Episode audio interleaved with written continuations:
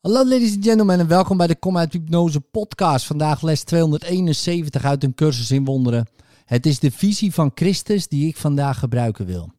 Elke dag, elk uur, ieder ogenblik kies ik waar ik naar kijken wil.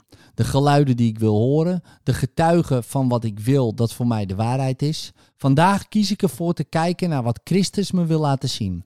Te luisteren naar Gods stem en de getuigen te zoeken van wat waar is in Gods schepping. In de visie van Christus ontmoeten de wereld en Gods schepping elkaar en als zij samenkomen verdwijnt alle waarneming. Zijn milde blik verlost de wereld van de dood, want alles waar hij naar kijkt kan niet anders dan leven en zich de Vader en de Zoon herinneren, de eenheid van schepper en schepping.